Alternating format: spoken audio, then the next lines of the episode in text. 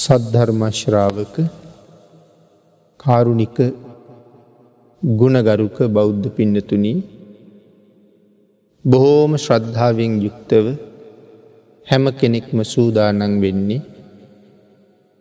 ලොවතුරා ශාන්තිනායක සම්මා සම්බුදුරජාණන් වහන්සේ විසින් ලෝක සත්වයන්ගේ හිත සුව පිණිස අවබෝධ කරගන්න දේශනා කොට වදාළ පරම ගම්බීර වූ ශ්‍රී සද්ධර්මරත්නයෙන් අබමල් රේනුවකටත් වඩා අඩු බොහෝම පුංචි කොටසක් දේශනා කරවගෙන ධර්ම ගෞරවය පෙරදැරි කරගෙන දේශනාගත ධර්මය ශ්‍රවණය කරන්නත්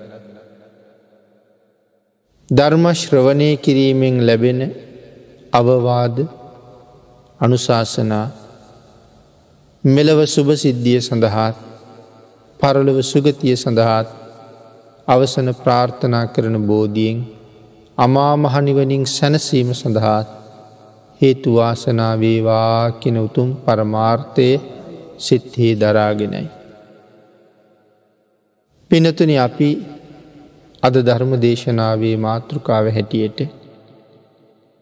යොදාගණ්ඩ කල්පනා කළේ ධම්ම පද පාලී පාප වර්ගයේ සඳහන් වන එක ගාථාරත්නය. පානිමහිචේ වනුවනාස්ස හරේ පානිනා විසං නාබනං විසමන්වේදී නත්ති පාපං අකුබතු.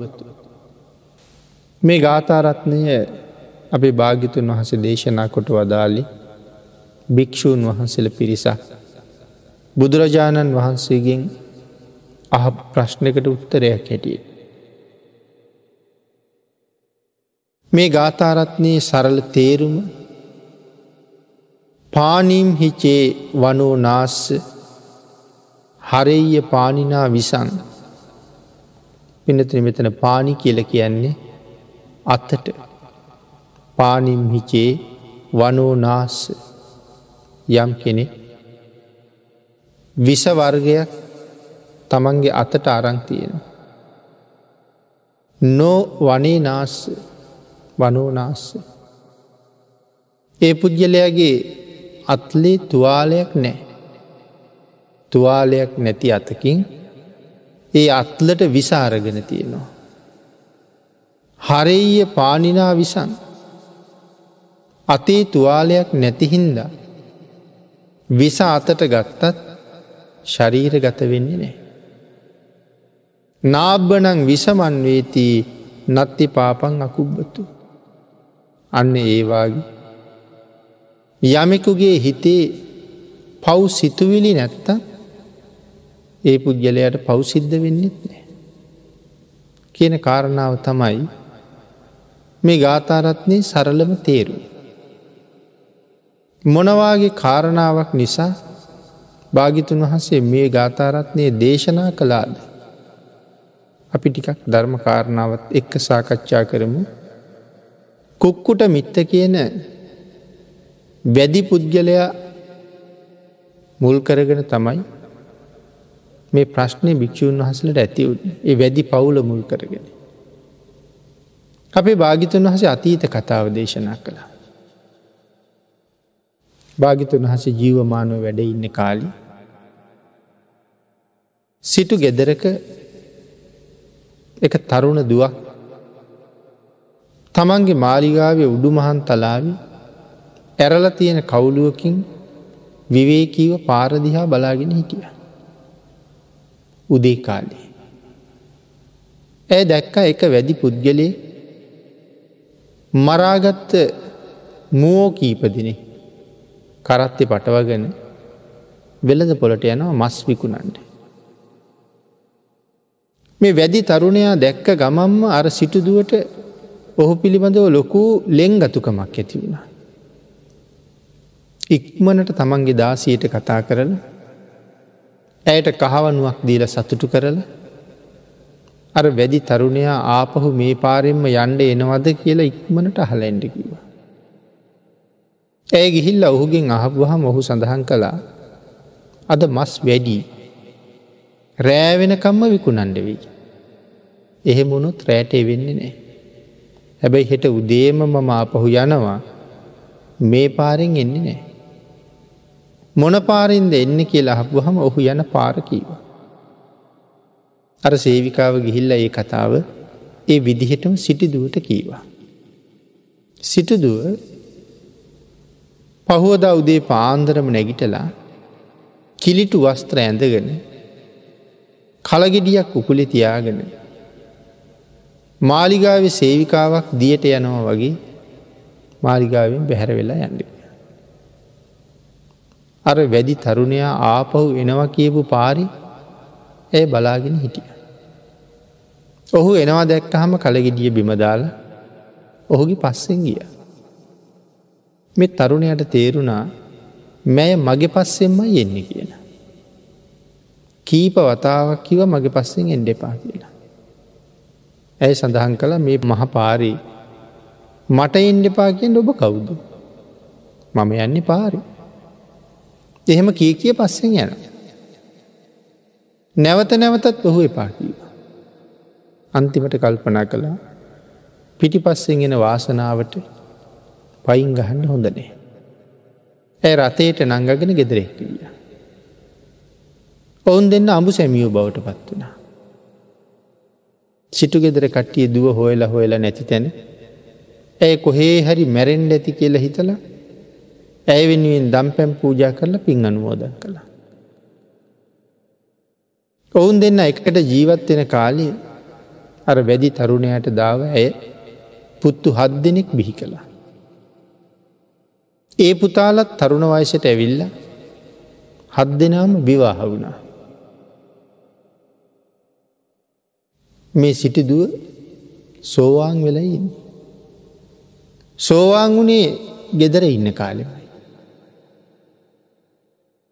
නමුත් තමන්ගේ ස්වාමිය වැද්දෙක්න.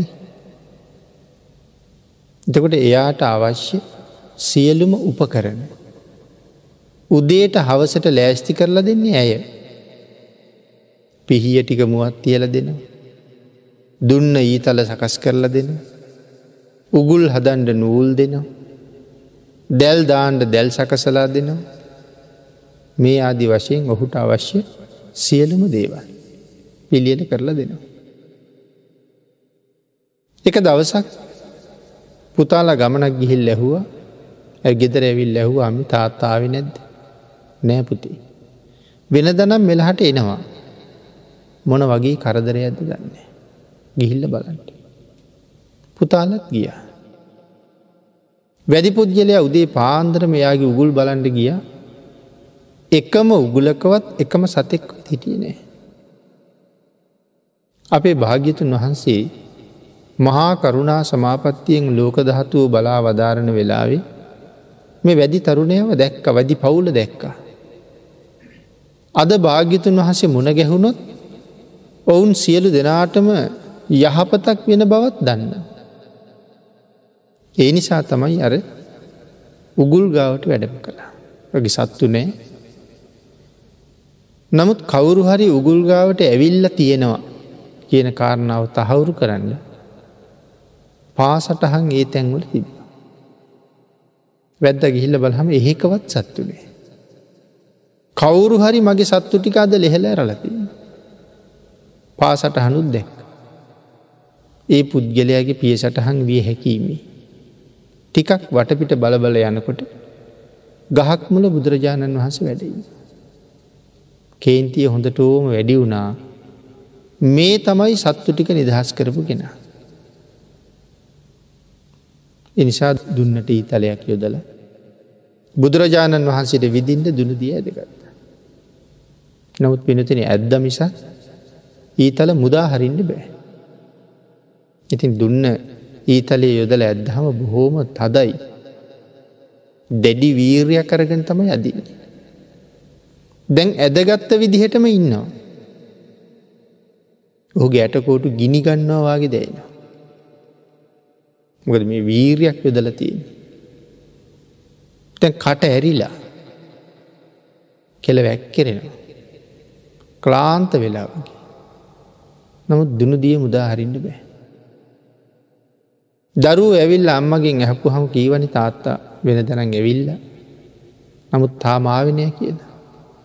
ඒගොල්ලු දුනුයි තලරම් පිටත් වන තාත්ත හොයන්. කැලේ මැදදි තාත්තා කාටදුව විදින්ට දුන්නමානක නිනි. මේ ඇත් ගිල්ල බැලුව හත් දෙනාම දුනදී ඇතිගත්. හත් දෙනාටම වුණේ තාත්තට වෙච්ච වැඩීමයි. ඉට පසේ වැඩි පිරිඳ ලේලිවරුන්ට කතා කරල කීවා. ඔබලගේ ස්වාමියොත් තවනෑ මගේ ස්වාමියත් නෑ කරදරයක් මේති යම් බලන්ට කියලා. ඔවුනුත් කැලේට ගියා. ඔවුන් දැක්ක හදිසියේම මෙ සියලු දෙනාම කාට දුව විදින්ට සැරසෙනවා. දුවගන දුවගෙන ගිය ළඟට. සිට දුව දැක්කා භාගිතුන් වහස වැඩඉන්න. මේ අයි විදින්ට හතන්නේ භාගිතුන් වහසේට. නමුත් හිතනවා මිසක් භාගිතුන් වහසිට විදින්ට පුළුවන් කෙනෙ දෙවියන් බඹුන් මරුන් සහිත ලෝකයේ කොහෙවත් නෑ. සිද්ධාර්ථ කියන නමින් මහබෝසතාණන් වහන්සේ අන්තිමාත්ම ඉපදුනාට පස්සේ ඒ හම මදුරුවකුටවත් විදින්ට බෑ කියල කියන. ඒ තරම්ම හයියයි දහම සංසාරි ප්‍රාණගහතයෙන් වැලකිලයි. ප්‍රාණගහත කරපු අකුසලයක් සතෙකුට කරපු හිරිහැරය මේ වෙනකොට නැති තර.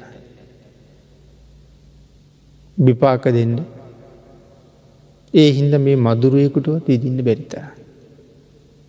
යම් යම් අකුසල් ප්‍රමාණයක් ඉතුරු වෙලා තිබුණ බව ත්‍රපිටකේ සඳහන් වෙනවා. නමුත් සඳහන් කරන මදුරුවයකුටුවත් විදින්න බෑ කියලා. ලේ දහතුව හොළොවන්න බෑ මදුරුවෙක් විද්දුත් ලේ බොන්්ඩෝනෙන භාගිතුන් වහසගේ ලේ දහතුව සොලවන්න බෑ. කරුමයක් නිසා. දේවදත්තයන් වහන්සේ ගලක් පෙරල්ලා භාගිතුන් වහසගේ ලේ සෙලෙව්වා කියන කාරණාව සඳහන් වෙන්නේ ලේ එලියට නිකුත්වෙන්නේ නිකුත්වෙන්නේ නෑ. ශරීරයේ ඇතුළෙම ගල වැදුන තැන ලෙක් කැටිගැහීමක් විතරයි වෙන්න. ඉති මදුරුවයකුටවත් විදින්න බැරිනම් මෙගොලට කොහොමත් ඊතලවලින් විදින්න බෑ. අර සිටුදුව භාගිතුන් වහස දැක්ක ගමන් අත් දෙක මරං ඔළු ඉතියාගත්තා. අපි ගැන ඉහාත බදාගන්නවා කියලා. ඔළු ඉතියාගෙන කෑගහලකිව්වා මගේ තාත්තට විදින්න එපා කියලා. එම කෑගහගහ කිය. ක්ලාන්ත වෙලා වගේ ඉන්න කුක්කුට මුත්ත වැද්දට ඇහුණ මේ කතාව. ඔහුට හිතුනා මං කළේ බලවත් වරද. මේ ඉන්න මගේ මාමණ්ඩිද කියලා. ඇයි මාමණ්ඩි කවදාවත් දැකල නෑන එන මේ තම මගේ මාමණ්ඩි කියලා හිතුණා. ළමයින්ටත් හිතුනා මේ අපේ සීයද කියලා. ඔවුන්ගේ හිත් මොලොක් වුණා. භාගිතුන් වහසේ අධිෂ්ඨානය අත් හැරිය. දුනුදිය බිම දැම්ම. සියලු දෙනාම ගිහිල්ල බුදුරජාණන් වහන්සේළඟ වැඳ. අපේ භාග්‍යතුන් වහන්සේ ධර්ම දේශනාවක් කළා. කුක්කුට මිත්තත් පුත්තු හත් දෙනත් ලේලිවලු හත් දෙනත් මේ පාලොස් දෙනාම සෝවන් වුණ. කුක්කුට මිද්දක බිරිඳ කලින් සෝවාන් වෙලයි. එතකොට ඇය ඇයි බුදුරජාණන් වහන්සේට තාත්තකී. අපි පිනතු නහල ඇති බුදුරජාණන් වහන්සේට තාත්ත කියපු තවත් හුඟක් කරුණු සඳහන් වෙන තැන් තියෙනවා. තවත් එක තරුණියක් ඔය කතාවම කිව්වා. ඒ තමයි උත්තරා. පුන්න සිටුවරයගේ දුව.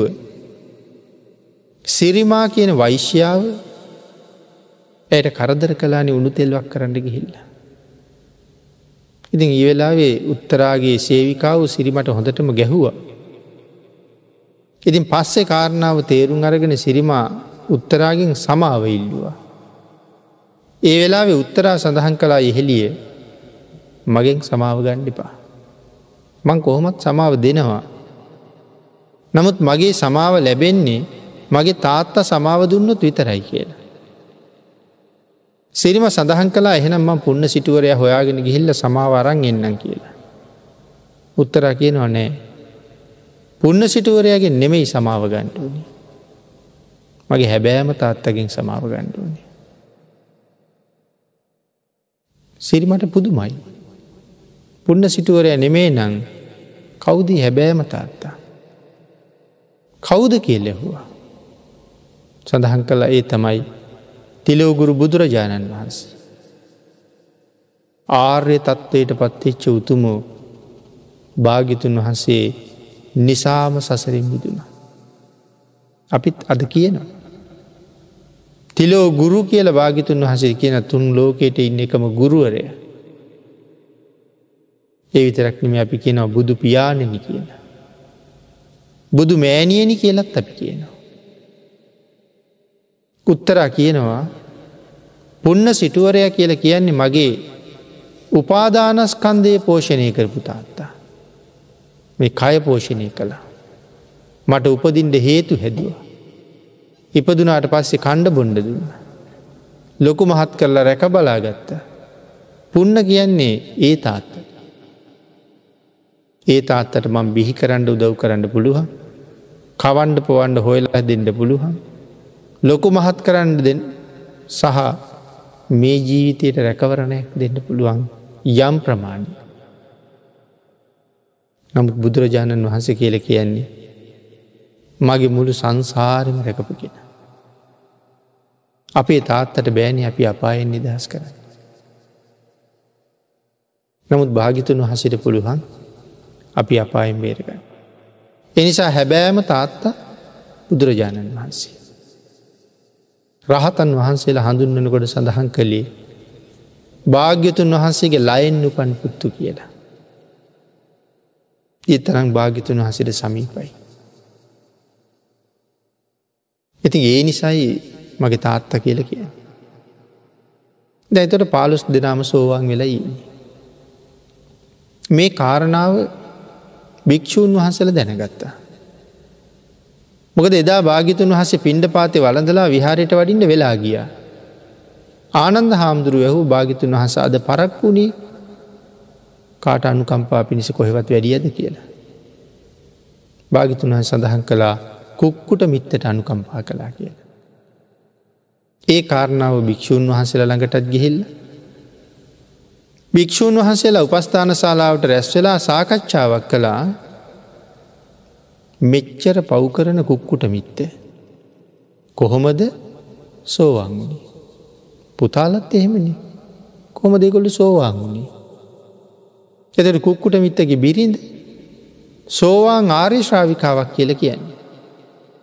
එතට ඇය කොහොමද දැල් උපකරන කඩු ඊතල දුනු ස්වාමියයට දෙන්නේ. සෝවාන් විච්චායත් පව් කරනවාද. වර්තමානිත් තියෙන ප්‍රශ්නයක් ෝක. සෝවන් වහන්සේ පව් කරනවාද. සෝවන් වහන්සේ කවදාවත් පන්සිල් උල්ලංඝනය කරන්නේ. එහෙමනම් කොහොමද කඩු කිනිසිදුන්. ඒකට තමයි මේ උත්තරේ දීලතිී. පානිම්හිචේ වනෝනාස්ස අතේ තුවාලයක් නැත්තං මේ අත්ලට විස වක්කරගත්ත කියලා ශරීරගත වෙන්නේ නෑ. ආං ඒවාගේ තමයි හිතේ අකුසල චේතනාවක් නැත්තං කරන ක්‍රියාවෙන් අකුසලේ සම්පූර්ණ වෙන්නේ නෑ. ඇයද මේ උපකරන තමන්ගේ ස්වාමියයට දෙන්නේ බිරිඳකගෙන් ස්වාමියයාට සිද්ධ විය යුතු යුතුකමක් හිටිය. තමන් ඇතුළු දරුවන් පෝෂණය කරන්න දුකසේ ඔහු හරි හම්බ කරනවා. ඔහු හම්බ කරන ක්‍රමය ඇයට වැඩක් නෑ. නමුත් යුතුකම සම්පූර්ණ කරන්න තමන්ගේ කාර්යයි කරන. පිහිය දෙන්න පුළුවන් නොත් පිහියෙන් කරන්න දේ ඇය තීරණය කරන්නේ. මොකද පින්නතිනේ අපිත් කඩේට ගිහිල්ල ක්‍රමිනාශක මිලට ගන්න. ක්‍රමිනාසක ඉහලා අපිට පවසිද්ධ වෙනවා. එනට කඩේ මුදලාල්ට පවසිද්ධ වෙන්නේ. කඩේට ගිහිල්ල මාළුවල්ලන දැලක් ඉල්ල ගන්නවා. ඒ දැලෙන් මාළුවල්ල හම අපිට පවසිද්ධ වෙනවා. නමුත් දැලයකුණපු මුදලාලට පවසිද්ධ වෙන්න න. මුදලාලි කරන්න වෙළදාම. එනිසා ඔහු දැල විකුණනවා. මේකින් ගිහිල්ල මාළු අල්ලපන් හොඳට කියල දෙන්නේ නෑ අපිට. ඇයත් අවශ්‍යෝප කරන ටික සකස් කරලා දෙනවා. නමුත් සත්තු මරන්ඩ සත්තු කපන්ට පිහිය දුන්න නෙමේ. ස්වාමයාට ඕන නිසා පිහිය දෙනවා මිසක් සත්තු මරන්න පිහිය දෙනවා නෙමේ. ඉති මේ කාරණාව හරි සංකීර්ණයි. කොහොම පැහැදිලි කළත් සමහර කෙනෙකුට මේ ගැන සැක උපදින්නම පුළුවන්. අනික් කාරණාව හිතන් ඕනෑ මේ ක්‍රියාව කරන්නේ ඔබත් මමත් වගේ කෙනෙක් නෙමෙයි ආර්ය ශ්‍රාවිකාව. ඇය ඇගේ සිත පාලනය කරගත්ත හැටිත් ඔබත් මමත් හිතන හැටිත් අහසට පොලෝ වගේ වෙනස්. සමහර වෙලාවට ඇයට කරන්න පුළුවන් වෙච්ච දේ අපිට කවදාවත් කරන්න බැරිවෙන්න පුළුවන්. අපිට ඒ සිතුවිල්ල එන්නේ ඒකයි අපිට කරන්න බැරිහින්ද. නමුත් මේ ආර්ය ශ්‍රාවිකාවට ඒක කරන්න පුළුවන්. එති මේ කාරණාව තමයි සාකච්ඡාවට එන්නේ. එතකොට තමයි මේ ගාථාවෙන් භාගිතුන් වහසේ කරුණු පැහැදිලි කළේ. එතකොට මේ පව්කරපු වැද්දො ටික කොමද සෝවාංගුණේ මෙච්චර පින් කරනවා මෙච්චර බනාහනවා මෙච්චර දන් දෙනවා සමහරය භාවනත් කරනවා. අපි තාම සෝවාංගුණේ නෑනේ සසර කොච්චර දිගත එකම අම්ම කෙනෙක් වෙනුවෙන් සංසාරය හලාපු කඳුළු මහ මුහුදේ ජලයට වඩා වැඩී කියල දේශනා කළ යනමුතක්ග සංගි. ඒසා දීර්ඝ සංසාරක බුදුරජාණන් වහන්සේල කොච්චරනම් මුණගැහෙන්ඩ. ජීවිතයේ නොලැබිච්ච අත්දැකීමක් තියෙනවනගේමකද. පිනත අපි මේ සාමාන්‍ය කරන වැඩ හැම එකක්ම පරණ වැඩ. අපි කියන්නේ අලුතෙන් වැඩ පටන් ගත්ත කියලා. එව එකක්වත් අලුත් නෙමෙයි. ඒ සේරම පරණ වැඩ. මේ ජීවිතයේ වෛද්‍යවරයෙක්වෙන් ඉගෙන ගන්න. මහසාගරයේ ජලයට වැඩිය කඳුළු පුරවන්ඩ ඉපදුනාන මේ සංසාර කී පාරක් වෛද්‍යවරු වෙන්ඩ. කී පාරක් ඉංජිනේරුවරු වෙන්ඩ ඇත්. මොන තරන්නම් තවත් නොයෙක් උසස් ගනේ රැකියාවල යෙදෙන්ට ඇද්ද. එනම් මේ ජීවිතෙත් වෛද්‍යවරයෙක් වෙනවා කියෙන කළුත් දෙයක්ද පරණ එක. දේපොල ඉඩකඩන් වෙනුවෙන් ගහමරාගන්න. කාගෙ දේව. අද කියන්නේ අපේ කියලා.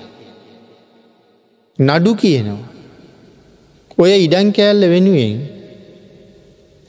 කී දෙනෙක් නඩු කියල ඇද්ද. කී දෙනෙක් ඕක මගේ කියල ඇද්ද. නම් ඉඩම තියෙනවා නඩු කියපු අයයි මගේ කියපු අයයි කවුරුවත් නෑ. ඉඩම තියෙනවා. අද අපිත් නඩු කියනවා. තවටික දවසක්කමට අපි නෑ ඉඩම තියෙනවා අනාගතිත් කවුරු හරිෝකට නඩු කියනවා. දෙහින්ද මේ ජීවිතයේ අලුත් දේවල් මොකොවත් නෑපිනති. මේ කරන හැම වැඩක්ම පරණ වැඩ. එකම අම්ම සංසාරි මුණ ගැහිච්ච වාර සීමාවක් නෑ. තමන්ගේ ස්වාමයා නොවිච්ච කෙනෙක් නෑ. බිරිඳ නොවිච්ච කෙනෙක් නෑ. එහිද කවුරුවත් අලුත් කවුරුවත් අලුත් නෑ. හැබැයි මේ අනාධිමත් කාලයක් සංසාරේ ඔබට මට හම්බ නොවිච්ච අලුත් දේවල් කීයක් තියෙනවද. පටන්ගන්නව නම් පටන්ගණ්ඩ දෙන ඒක අලුත් වැඩ. මොන දළුත් දේවල් හම්බ නොවිච්චේ අපිට සෝවාන් කියෙන ආර්ය පලය හම්බෙලන්නේ. හොයනවනං හොයන්ට තින අලුත්මදය. ඒනම් සකදාගාමි අනාගාමි අරිහත් හම්බ වෙලාමනයන්නේ. ඔය හතර තමයි පෙරහම්බ නොවිච්ච අලුත්ම අත්දැකීමක් ගණ්ඩ තියෙන දේවල්. පටන්ගන්න වනං අලුත් වැඩ සෝවාන් ගෙන තැනට යන්න පාර පටන්ගන්න. පාරාද. ඔය තමයි අලුද්දී. නමුත් අපි මෙච්චර කාලයක් වෙහෙසෙනවා. හම්බෙලාන්නේ. ලැබිලනෑ. මේ සත්තු මරමර සත්තු මරමර හිටපු වැද්දො ටික කොහොමද සෝවාංගුණි. ඇත්තටම ප්‍රශ්න කරන්න වටිනවන්නේ. බුදුරජාණන් වහන්සේ අතීත කතාවක් දේශනක්. කාශ්‍යප සම්මා සම්බුදුරජාණන් වහස පිරිනොම් පාල. ධාතුන් වහසල විසිරෙන්නේ නෑ. එක ධාතුන් වහන්සේ නමයි. ඒක ගණයි. දෙවියොයි මිනිස්සු එකතු වෙලා යොදුන් ගානක් උස චෛත්‍යයක් හැදුව. මිනිස්සු සාකච්ඡා කළා මේ චෛත්‍යයේ පස්වල කර්තව්‍ය කවුද කරන්නේ. එකැන මොනවද චෛත්‍යය බඳින්න ගන්න පස්. පසෙන් කළ යුතු දේ මොකෙන්ද කරන්න.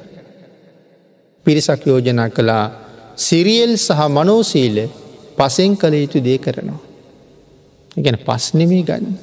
සිරියල් සහ මනෝසීල කියන පාශාන. ඒව අඹරලා කුඩු කරලා සකස් කළා. එතට වතුරෙන් කරන වැඩේ කවුද කරන්න. වතුරෙන් කරන වැඩේ තල තෙල් කරනවා. එකැන මේවට කවදාවත් වතුර කලවන් කරන්නේ. තලතෙල් දාලා අන්නනවා. සිරියල් සහ මනෝසීල කුඩු කරලා රත්තරං යම්සේ පාටද ඊට සමාන පාටක් තියෙන්. තලතෙලින් අනල ඒ වගෙන් ගඩොල් හදල ඒ ගඩොල් පුච්චල ඒ ගඩොල්ලොලින් තමයි චෛත්‍යය බඳන්න. ඒ ඇතුළ ඊට පිටින් තවත් ගඩුලයක් බඳ. ඒ ගඩුලේ සකස් කරලා තියෙන තනිකරම රත්තරංගලින්. එක ගලක වටිනාකම කහවනු ලක්ෂය. එක ගලක වටිනාකම. එහෙම තමයි මේ සෑය හදන්න. දැ සෑය බැඳල ඉවරයි. මිනිස්සු සාකච්ඡා කරනවා විශාල මුදලක් සෑයට වියදන් යොදුන් ගානකු සයිනි අනික ගල් ගඩලක වටිනාකම කහවුණු ලක්ෂය ඇතුළේ ගඩුල් නැතු එහෙම ගඩුල් කීදාහක් මේකට යන්ඩ. ධාතුන් වහන්සේ තැන්පත් කරන උත්සවයටත් ලොකු මුදලක් යනවා. කවුරු හරි මේ පින්ක මේ ප්‍රධානත්වය ගන්වන හොඳයි කියල හිතුණ. මේ ආරංචුනා පිටිසර ගමක ඉන්න සිටුවරින්. ඒ සිටුවරයාගේ වත්කම කෝටි නමයයි. ඒ සිටුවරයට ආරංචි වෙලා කහවනු කෝටියක් ගෙනල්ල දුන්නා මේක තියාගණ්ඩ මං පින්ක මේ ප්‍රධානය කරන්න. මිනිස්සු ධර්රි සතුටුයි. මිනිසු හැම්ම තැනම කියනවා මේ කතාව. කිය කියා නගරේ ඉන්න සිටුවරයට බන්නවා. නගරේ ඉන්න සිටුවරයාගේ තැම්පත් ධනය විතර කතලිස්කෝටිය. ධනය උපයන්ඩ වියදන් කරපු මුදල තව විශාල ප්‍රමාණය. නයට දීපුවත් තියෙන. මිනිසු බයිනවාර අහිංසක මිනිහා කහවනු කෝටියක් ගෙනල්ල දුන්නා. මේ කෝටිපතියා සත පහක්වත් දුන්නේ කියලා. කහවනුවක්කොත් දුන්නේ. සත නෑන් කහවනුවක්කොත් දුන්නේ. ඒක ඔහුට ආරංචි වෙලා ඔහු කහවනු දෙකෝටියක් දුන්න. ඒ අර ගමේ සිටුවරයට ආරංචිුණ. ඔහු ඊට වඩා දුන්න තුන් කෝටියක් දුන්න. මේ නගරි සිටුවරයා තවත් කෝටියක් වැඩියෙන් දුන්න. ගමේ සිටුවරයක් තවත් කෝටියක් වැඩියෙන් දුන්න. ද ගමේ සිටුවරයාගේ මුදල කොච්චරද කෝටි නමයයි. දැඟයා කෝටි අටක් දීලයි තියෙන්. ඉති නමවෙනි කෝටියක් දුන්නට පසෙ මොනවා දෙන්නද. ඒ නිසා කල්පනා කලා මේ මහසිටුවරයත් එක තරගෙට මුදල් දෙනවා කියන එක කරලා මට දිනන්ඩ පුළුවන් දෙයක් දෙන්නද පුළුව වැඩ නෙමෙයි මේක. නමුත් මට පින්කමේ නායකත්තය ඕනේ. මොකද කරන්න කියලා කල්පනා කරලා චෛත්‍ය හදාපු පිරිස මුණ ගෙහිල කීවා මමත් මගේ පුතාල ටිකත් මගේ ලේලිවරුත් මගේ බිරිඳ. මේ සෑයට අද ඉඳලා අපි දාසකං කරනවා. අපි සෑයට කැපවෙනවා කියලා. මිනිස්සු ආයත් හරි සතුටින් කතාව සල්ලිනං කාට දෙන්න බැරිද මුළු ජීවිත කාලයක් සෑයට දාසකං කරන්න ඉදිරිපත්වෙන්නේ කවුද. මොහුම තමයි පින්කමේ ප්‍රධානිය කියලා ඔය ඒ පවුලේ අයිම පින්කමේ ප්‍රධානය කළා. පින්කමත් ඉවරයි. ද මේගොල්ලු සෑයට දාසකං කරන.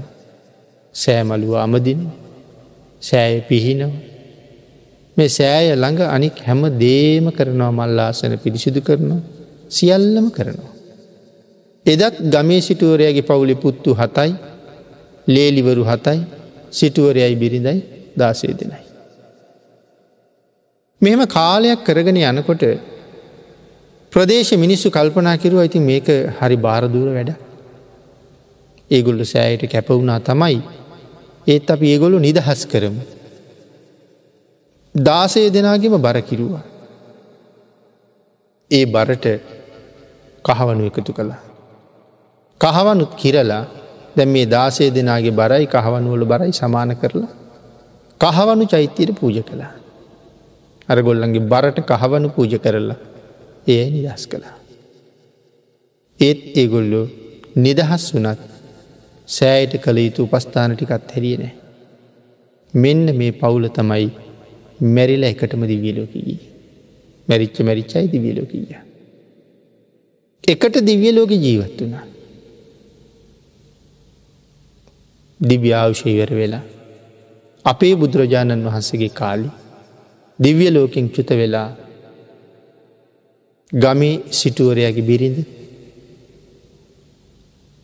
මේ කාලි සිටු ගෙදරක සිටු දුව වෙලා ඉපදුන. රජගහන්වර. ස්වාමිය සිටුවරය බැදිකුලේක ඉපදුන. කර්මානුරූප බැදිකුලේකට ගිය. නමුත් ඇයට අර වැද්ද දැක්ක ගමම්ම සෙනෙ හසක් ඇති වුණා. සඳහන් කරනවා ඒ පෙර පුරුද්ධ කියලා. ඒක ඒ පාරි යනවා දැක්ක ගමම්ම සෙනෙ හසක් ඇතිවුණ.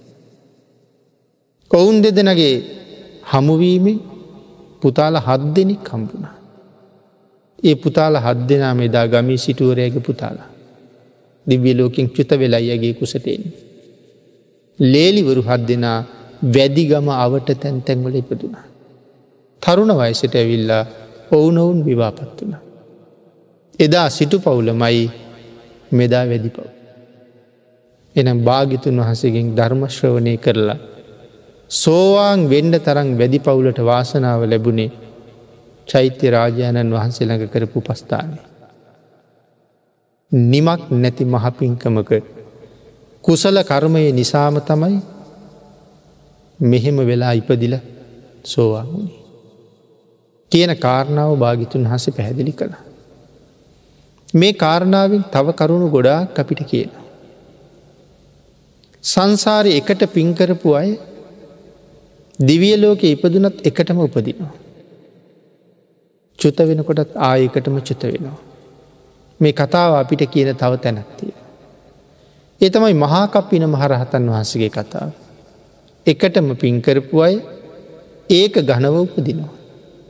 නැවත මනුලොවට එනකොට නැවත එකටම උපදිනවා. එකට පින්කරපු අය දුරින් හිටියත් පින් කරනකොට හොයාගෙන ඇවිල්ල එකට එකතු වෙනවා. ඒ සංසාර එකට ගියපු පුරුද්ධ. සසර කිසියම් කෙනෙක් අඩගහගෙන අපි බොහෝ පින්කං කලාන මේ ජීවිතෙත් පින් කරන්න යනකොට විශේෂයෙන් අපිට ඒ අය ඕන වෙනවා. සමහරලාට පින්කමකට යනකොට හැමෝම එක්ක යන්ඩ බෑ. නමුත් විශේෂ පිරිසක් නං කරනවා මේ ගොල්ල නං එක්ක යන්ඩ මෝනේ. ඒ අද විතරක් නෙමේ පෙරත් සංසාර එහෙම කරලා තියෙන නිසා. භාගිතුන් වහන්සේ ළඟ කරන උපස්ථානය. අපිට සංසාර සුවය වෙනුවෙන් කොච්චර හේතුවෙනවද. චෛත්‍යයක් ළඟ උපස්ථාන කරන එක වත් පිළිවෙත් කරන එක සසර මොනතරං සුවපත් කරනවාද. වර්තමානනං ඉන්නවා. ආමිෂ පූජා කරන්න එපා. ඒවා බොරු වැඩ. එව්වගෙන් පලක් නෑ. භාගිතුන් වහස එහෙම දේශනා කරලනෑ නොඒක් විවේචන කරන අය වර්තමාන සමාජීන් බුදුරජාණන් වහන්සේගේ ධර්මය යම් ප්‍රමාණයකටවත් අහල නැතියයි. මේ ත්‍රිපිටකයෙන් පිටු දෙකතුනක්වත් කියවලා නැතිය වෙන්නේ. භාගිතුන් හසි කොතනවත් ආමිස පූජාව එපා කීවද. චෛත්‍යයට බෝධියයට වඳින් එපානං ඇයි ආනන්ද ස්වාමීන් වහන්ස ගිහිල් ඇහුවනි ස්වාමීණි භාග්‍යතුන් වහන්සේ ජේතවනාරාමි නැතිවෙලාවට බුදුන් වඳින්ට එන මිනිස්සුන්ගේ හිතේ කනස්සල්ල තුරන් කරලා බුදුරජාණන් වහන්සේ වෙනුවෙන් වැඳල යන්ඩ පූජාවස්තුවක් නැද්ද කිය. ඒ වෙලාවෙනි දේශනා කළේ ආනන්ද. විජයශ්‍රී ජයශ්‍රී මහා බෝධිරාජාණන් වහන්සේගේ දක්ෂණ ශාකාවගෙන රෝපණය කරන්න මං වෙනුවෙන් කියලා. එනම් බෝධිය වඳින්ට කවුද දේශනා කළේ භාගිතුන් වහන්සේමයි. බෝධියට වඳින්ට එක භාගිතුන් වහසට වැඳ හා සමානයිකි. අපේ ශාසන මුලින්ම රහත්වෙච්ච කොන්්ඩඥතාපසිතුවා. පිරිනිවන් පෑවහම්. ආදාහනය කරලා දහතුන් වහන්සේලා ටික රහතන් වහන්සේලා ගෙනල්ල කෙලින්ම තැන්පත් කරන භාගිතුන් වහසගේ ශ්‍රී හස්ත ධාතු. අපේ බුදුරජාණන් වහන්සේ ඒ ධාතුන් වහන්සේල තැන්පත් කරලා. අධිෂ්ඨාන බලයෙන් චෛත්‍යයක් නිර්මාණය කළා. මහපොලෝ පලාගෙන නැගිච්ච චෛත්‍යයේ ඒ ධාතුන් වහසල තැන්පත් කළා. රහතන් වහන්සේලා ආදාහනය කරවපු තැන්වලදී භාගිතුන් වහසේ දේශනක් කරලා තියෙනවා මහනිනි මේ ධාතුන් වහන්සේලා චෛත්‍යයක් හදල තැන්පත් කරලා වන්දනාමාන කරන්න සුදුසුයි කියලා. මහා ප්‍රජාපති ගෝතමින් වහන්සේගේ දේහය ආදාහනි කරලත් ධාතුන් වහන්සේල භාගිතුන් වහන්සේ භික්‍ෂූන් වහන්සේලා අතර දීල දේශනා කළේ එහෙමමයි. මහන් නිචෛත්‍යයක් කදල තැන්පත් කර වන්දනාමාන කරන්න වටිනවා. එතකට භාගිතුන් වහසෙම නේද අනු දැන වදාරලතිය. එහෙමනම් මේ චෛත්‍යය ළඟ කරන උපස්ථානය අපේ සසර මොන තරන් සුවපත් කරයිද. අපි ශාසනය ඉන්නවා පුලින තූපීය මහරහතන් වහන්සේ. අබුද්ධෝත් පාද කාලයක ඉපදිච්ච මහරිෂිවරේ ශිෂ්‍යයෝ ඉන්නවා දස් ගන මේ ශිෂ්‍යයෝ ඔක්කොම මේ රිෂිවරයට වඳිනවා. මේ රිෂිවරය කල්පනා කරනවා මේ ඔක්කොම මට වඳිනවා. මේ ලෝකෙ මං විසින් වඳින්නේ කාටද කියලා. මගෙන් වැඳුම් ලබන්ඩ කෙනෙක් නැද්ද කියලා. අබුද්ධෝත් පාද කාලයක නමුත් භාගිතුන් වහස සිහිපත්වෙන. වැල්ලෙ චෛත්‍යයක් හදලා රන් කිරිහිනි මල් තුන්දාහක් ඉරදියෙන් මවල චෛත්‍යයට පූජ කරලා ධාතුන් වහසල නෑ වැල්ලි හදාපු චෛත්‍ය.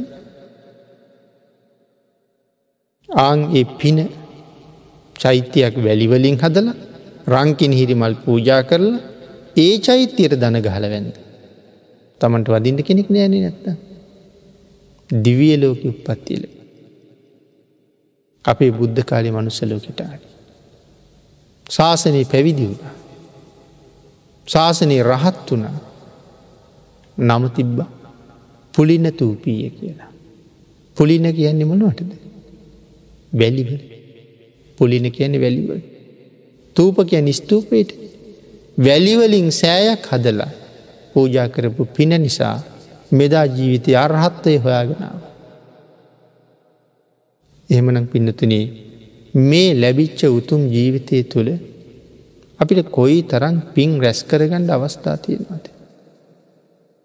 එදා ඒ රිෂිවරය දනගහල වැන්දි වැලි සෑයකට. ලෝතුරා බුදුරජාණන් වහන්සේගේ සරුවඥ ධාතුන් වහන්සේ වැඩඉන්න මහසෑයවල් මේ රටේ හිග නෑ ඕන තර. ශ්‍රද්ධාවෙන් ගිහිල්ලා දනගහල වැඳල කොයි තරං කුසල කන්දරාවක් රැස් කරගන්න පුළුවන්ද. අපට ලැබිල තියෙන අවස්ථාව මොන තරම් ප්‍රබලද. ඒ තරං උතුම් අවස්ථාවන් ලැබිලත් යටත් පිරිසින් මාසකට සැරයක්වත්. චෛත්‍යයක් ළඟ බෝධයක් ළඟ තමන්ගේ නිවසෙවත් විනාඩි දහයක් වාඩි වෙලා බුදුන් වඳින්ට වෙලාවක් නැති මිනිස්සු මේ බෞද්ධයයි සම්මත පරිසරයේ කොච්චරඉන්න. ආං එහෙම අයට යවාසනාවන්තයෝ කියලක. වාසනාව අරගෙන ඉපදිලා තියෙනවා ප්‍රයෝජනය ගණ්ඩ තර පිනක් නෑ. එම හිතක් පහළ වෙන්නේ. සමහරයි වදින අයට බැන බැන විවේචනය කර කරයන්න. ඒවාගේ අය වෙනුවෙන් සතරාපාය දොරවල් හොඳටම ඇරිල තියෙනවා. නමුත් අපිට ලැබිල තියෙන හොඳ අවස්ථාව. මේ අවස්ථාවෙන් උපරිම පල නෙලන්ඩෝනේ. ජීවිතයට තියෙනවා ලොකු ආපදාව එක තමයි මරණය අපට දින ලොකුම ආපදාව මරණය. එනම් පුළුවන් කාලය අපි කළ යුත්තේ මැරෙන එක නවත්තන්ඩ බෑ අපිට. නමුත් මැරිල ගිහිල්ල උපදින තැන ඒක වෙනස් කරන්න අපිට පුළුවන්. මැරණ එක නවත්තන්න බැරිවුණාට මැරිලා උපදින තැන වෙනස් කරන්න පුළුව. සිල් තියෙනවනං සුගතිය උපදිනවා සිල් නැත්තං දුගතිය උපදිනවා. එනක් තියෙන ආපදාව මැරිල ගිහිල්ල ඉප දෙන්න කොහෙද. අපි විසින් මොකද කරන්න ඕනි. ආපදාව මනාව කළමනා කරණය කරන්න ඕනේ. සමහරලට අපි රජයටත් බනිනවනේ ආපදා කළමනා කරන්නේ හොඳ නෑ කියලා. හරියට හිතල බැලුවොත් අපේ කළමනා කරණය වැඩක්මනෑ. ඉන්දරයට මෙයාට බයිනවට වඩා ඉසල්ල මගේ ආපදාව කළමනා කරණය වෙලාද කියල හිතන එක හරි වටිනවා. ඒක මනාව කළමනා කරණය කරගත්තොත් හරි සතුටින් මැරෙන්ඩ පුළුවන්. දුක නැතුව මැරෙන්ඩ පුළුවන්. මොනලෙඩේ හැදුනත් කමක්නේ. පිළිකාවක් හැදී වකු ගඩු දියවී අක්මාව නරක් වී ඉතින් කෝකම නරක් වුණත් දවසක මැරෙනවා. හැබැයි මේවාගේ ලෙඩ හැදෙන්නේ නැත්. අවුරුදු කෝටි ගණන් ආයුවල දන්න පුළුවන්. සැප සහිත සුගතිවල ඉප දෙෙන්ඩ මම කටයුතු කරලා තියෙනවා කියල සතුටක් තියෙනවා. ජීවත් වෙනතුරු විතරක් මේ රෝගයෙන් මට වේදනාවක් තියෙන. නමුත් ඒ සුළු කාලෙකට බැරුණට පස්සේ අවුරුදු කෝටි ප්‍රකෝටි ගැනන් සැපයි කියලා සතුටු වෙන්න අපි යමක් කරලා තියෙන.